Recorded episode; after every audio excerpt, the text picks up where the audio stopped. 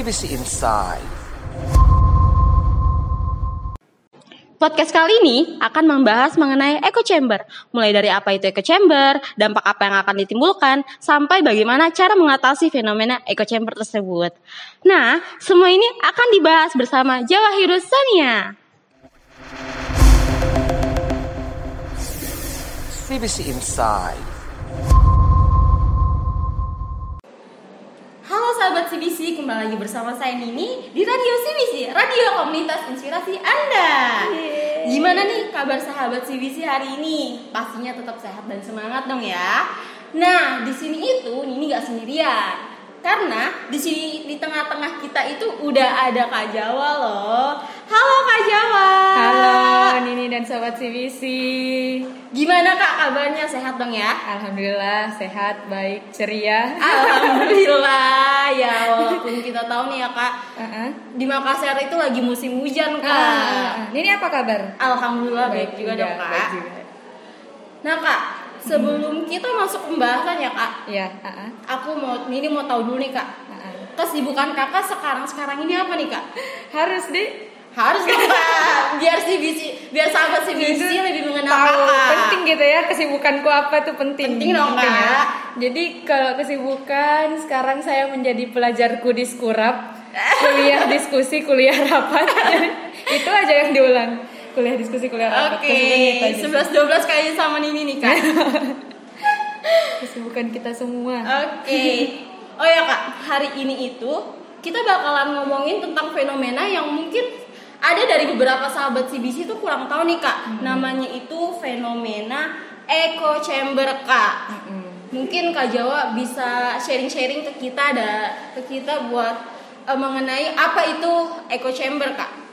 Kalau echo chamber sendiri Hmm. sebenarnya kan kalau di bahasa Indonesia kan atau diartikan itu kan ruang gema. Oke. Nah kalau yang kita tahu ruang gema itu biasanya terjadi kalau misal kita berada di suatu gua, Heeh. terus kita berteriak, lantas suara yang didengar adalah suara kita sendiri. Mantul ya kak. Ah, ah, mantul gitu, mantul, mantap betul.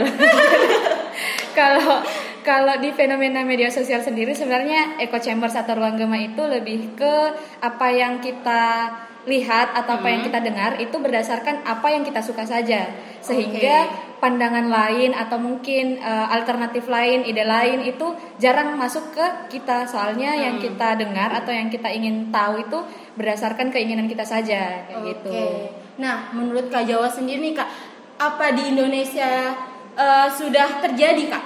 Kalau di Indonesia sebenarnya sudah terjadi di mana-mana, sadar atau Wow. tidak, karena apalagi masyarakat Indonesia yang minim literasi semakin membuat membuat echo chamber ini semakin menjadi-jadi kalau di Indonesia kan. Uh-uh. Kalau di Indonesia emang udah Nih terjadi. Kak, yang apalagi yang Kak Jawa dan sahabat CBC tahu nih Kak, sosial media itu kan sudah merajalela apalagi di kalangan kita sekarang Iya, nih iya. Kak. Di Siapa sih yang nggak punya media Iya, sosial, Betul Kak? banget sih Kak, apalagi di Indonesia ini sendiri.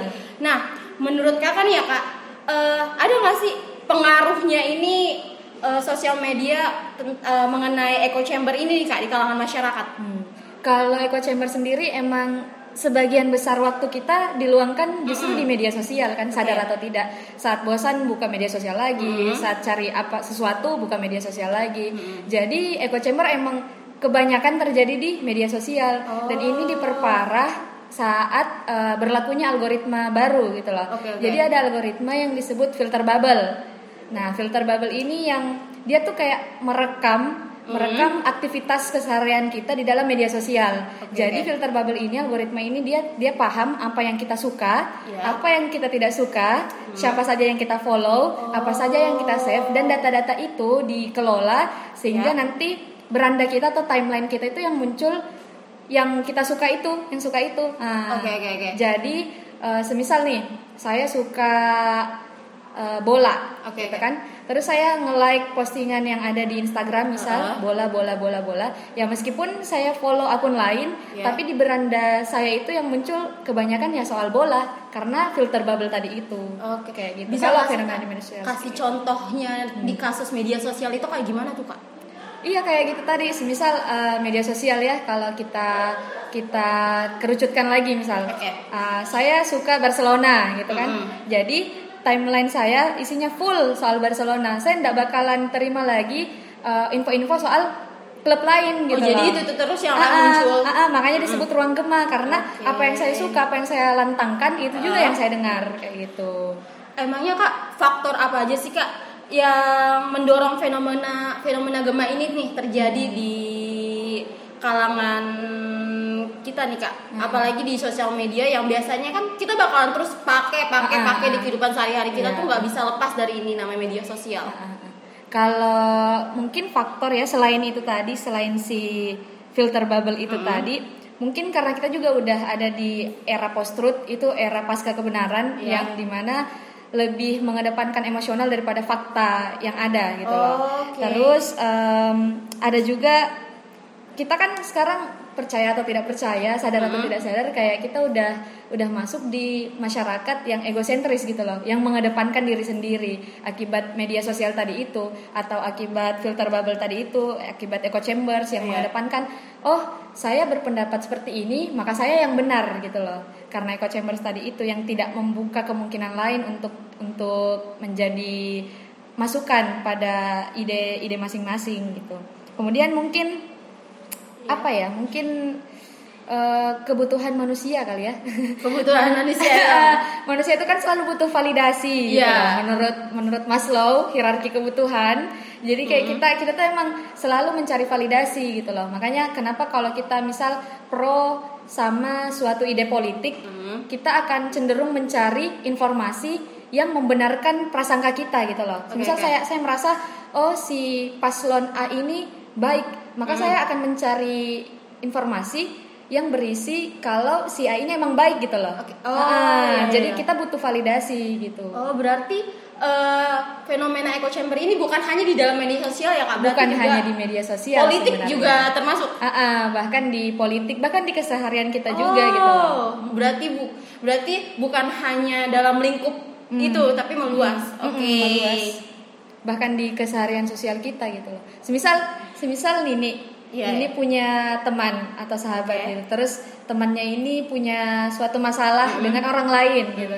Tapi karena terjebak pada echo chambers, Iya. artinya Nini hanya percaya sama apa yang dikatakan temannya Nini gitu kan. Oh, Jarang iya, iya. sekali kita membuka pandangan lain atau alternatif lain soal gimana sih kalau menurutnya si pihak lain itu kayak gitu. Berarti pada dasarnya, terjadi gitu. eh, pada dasarnya kita hanya mencari tentang apa yang menurut kita benar. Hmm, misalnya kita melihat apa yang ingin kita lihat, kita mendengar hanya apa yang ingin kita dengar, Hmm. kayak gitu. Oke kak, ini untuk keseluruhannya kak. Mm-mm. Eh, kira-kira apa sih dampaknya ini fenomena echo chamber ini di kalangan masyarakat nih kak? Kalau dampak ya, kalau dampak mungkin secara ekstrim atau saya, saya bisa bilang kalau echo chamber selama kelamaan akan membuat perasaan kita tum, pikiran kita tumpul Mm-mm. dan perasaan kita jadi tidak perasa lagi gitu loh. Kayak Oh. bayangkan bayangkan ketika kita hanya berkumpul dengan orang-orang yang homogen atau yang sama pandangannya dengan kita, kapan kita belajar untuk berempati? Oh dampaknya agak besar ya kak? Kalau secara ekstrim, saya bisa bilang ya besar Wow, kalau lumayan. terjadi secara Mm-mm. terus-menerus gitu. Kemudian eh, masyarakat kita mungkin menjadi masyarakat yang sentimen. Iya iya. Ketika misal kita berdebat permasalahan politik, Mm-mm. kemudian berbeda pandangan, sampai kan banyak kasus yang dia left dari grup WhatsApp Oh, keluarga, iya, iya, kayak iya, iya. gitu. Ah, ah, kita menjadi masyarakat yang sentimen, terus kita jadi kurang bisa berempati, Mm. terus pikiran kita tuh lama-lama akan semakin menyempit ketika kita hanya mempelajari atau Iya. kita hanya mencari apa yang yang ingin kita cari gitu loh. Mm-mm. Gimana sih kak cara keluar dari itu fenomena kak? Kayaknya agak susah nih kak. Susah nggak sih buat keluar dari fenomena echo chamber itu? Kalau menurut Nini, yang dirasakan Nini, apakah Nini tuh udah udah melihat fenomena echo chambers di mata Nini sendiri? Udah sih aku sih bahkan semenjak kita diskusi ya Uh-uh. kak, aku ngerasa kayaknya aku masuk dalam fenomena itu deh kak. Kita semua terlibat di dalam itu, di dalam echo chambers. Jadi kayak ya meskipun saya tadi bilang kalau echo chambers itu muncul karena algoritma filter bubble dan segala macam, tapi kita sendiri juga punya peran untuk melanggengkan hal itu kan. Oke. Mm-mm. Jadi kalau untuk jalan keluar, kalau saya bisa bilang mungkin justru semakin lama akan semakin parah gitu loh. Apalagi ini entah ya kabar burung atau apa, tapi Google sudah buat suatu piranti atau suatu perangkat Mm. pernah nonton film yang kalau kita pakai kacamata terus fi- profil orang itu muncul profil orang itu film film, Film. science fiction Aku yang semisal nonton semisal kita pakai kacamata nah terus Iya, profil iya. orang orang lain itu kelihatan Heeh. Ah, ah. Itu Google sudah merencanakan hal itu sudah sudah kabarnya kabarnya Iya. membuat hal itu jadi semisal ini jalan Iya. di tengah jalan kemudian karena pakai perangkat itu tadi Hmm. kacamata itu ini jadi bisa lihat oh ini orang satu selera nih sama saya Oh ya, I know, I know. Ah, kayak gitu jadi kalau kalau seperti itu lama kelamaan Nini atau kita semua Ya. jatuh-jatuhnya akan berkumpul dengan ya yang sejenis sama kita dalam tanda kutip Oke. sejenis sama kita nah kalau dibayangkan bagaimana jadinya kalau dunia ini terkotak-kotakkan seperti itu Oh iya, kurang bagus juga. Ah, ya, Kak. ah, kurang variatif Oke. gitu loh. Yang yang ada ya kalau kau suka A, artinya kau harus benci B. Kalau Hmm. Oh, terkotak-kotakan iya. seperti itu kan. Kalau kau hitam, maka yang lain harus putih. Atau kalau Iya, orang iya, lain iya. putih, berarti kamu hitam gitu loh. Padahal kan dunia ini sangat berwarna hanya dari, dari Iya. sekedar hitam putih kan. Ya itu sih ekstrimnya. Jadi kalau apa kalau eh, jalan keluar Mm-mm. mungkin ya memperbanyak alternatif informasi Oke. tidak menutup diri Jadi- tidak merasa paling benar Bukan hanya satu tumpu ya kak Ah, istilahnya. ah, ah, ah, ah.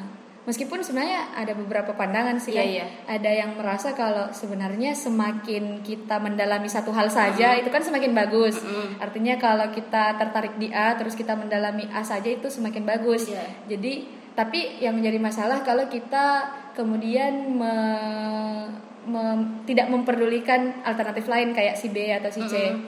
Semisal ini sensitif sih, tapi semisal semisal saya beragama Islam, Oke. misalkan karena saya beragama Islam, maka agama lain adalah tidak benar Oh, ketika oke. saya memaknai itu dengan dengan memakai kacamata echo chambers misalkan Mm. saya memaknai ya agama lain tidak benar karena saya Islam ya Islam lah yang paling benar agama lain ya tidak Iya. benar tapi ketika kita mencoba keluar dari itu sebenarnya dengan mengetahui alternatif lain misal saya mempelajari agama lain juga itu kan juga bisa menambah keyakinan saya Oh iya iya Ah, iya. jadi tidak lantas kita sudah berkeyakinan ini, kita sudah percaya soal hal ini, maka hal lain tidak tidak dipedulikan gitu. Karena bisa saja hal lain itu yang membantu kita lebih yakin lagi, Oke. gitu, memperluas pandangan. Oke. Oke, ini yang terakhir ya kak, yang terakhir. Wow. Pesan atau sarannya dari seorang kajawa nih buat sahabat Ah, CBC tidak. yang mungkin setelah mereka mendengar diskusi kita nih kayak Uh-uh. mungkin mereka langsung merasa, ih ternyata saya udah terkena fenomena echo chamber nih, Uh-uh. bagaimana dong? Ak- eh, kita di sini minta saran atau pesannya kaja seorang kajawa nih bagaimana nih kak? Aduh, saran saya menjadi motivator ya. Amin. Kalau saran sebenarnya sebenarnya echo chambers ini sangat tricky, sangat sangat sangat apa ya? Istilahnya paradoks gitu. Iya. Ketika saya bilang eh kalian semua terkena echo chambers, berarti secara tidak langsung saya juga terkena echo chambers seperti itu kan. Hmm. Oh. Karena saya menghakimi kalian Kak. kan masuk di echo chambers gitu loh. Berarti Oh, saya iya, juga iya, iya, iya. Terlarut di dalamnya. Iya, ah. Jadi kalau saran, Mm-mm. saya tidak bisa menyarankan ke semua orang kalian harus ini itu ini itu. Mm. Tapi mungkin saran kepada diri sendiri saja yang selama ini saya coba terapkan. Eh, mungkin apa ya? Karena hal ini paradoks dan karena hal ini memang menyenangkan. Maksudku ya menyenangkan kan ini ketemu sama orang Iya. terus atau eh, ketemu sama orang yang sama sama sama kita Heeh. terus kita ngobrol panjang lebar terus kita cocok dan segala macam Iya. itu sangat menyenangkan atau juga kita nge-scroll timeline Mm-mm. terus kontennya kita suka kita akan hanyut di dalamnya gitu Betul banget kak itu. Mm-mm. jadi kalau untuk saran eh, saya tidak menyarankan ini kepada siapa-siapa tapi saya selalu berusaha ke diri sendiri kalau bisa ya perbanyak membaca Oh, itu- membaca Oke, itu kuncinya ya kak. membaca adalah kunci Kunci. Gemboknya Ah, ah, tapi membaca apa saja ya saya tidak bilang kamu harus menjadi kutu buku agar terhindar dari hal-hal yang Mm. Tidak baik kayak gitu. Apalagi zaman nggak- sekarang kan nggak Ah, mungkin hanya tumpu satu buku. Mm-mm, tidak harus gitu. Membaca itu kan bisa membaca film Iya. misal membaca ya buku tentu. Di situ mi sumber sumber utama gitu Betul kan? banget. membaca lingkungan Mm-mm. membaca lagu pun bisa gitu loh. Atau membaca eh, hal-hal yang di luar alternatif kita di luar di luar preferensi kita kayak Iya, gitu. betul, semisal eh, apa ya? Semisal kita eh, suka sama satu klub sepak bola aja ya yang paling gampang tuh klub sepak bola emang. Sepak bola. Semisal kita suka klub sepak bola, Iya. satu klub sepak bola, misal A sepak bola A gitu. Mm-mm. A. Karena kita suka sepak bola A, kuncinya adalah ya usahakan baca juga tentang klub sepak bola B Mm-mm. gitu loh. Untuk apa? Supaya dia menjadi referensi kembali untuk itu tadi meyakinkan Iya, meyakinkan kita sekaligus juga tidak menghakimi secara langsung.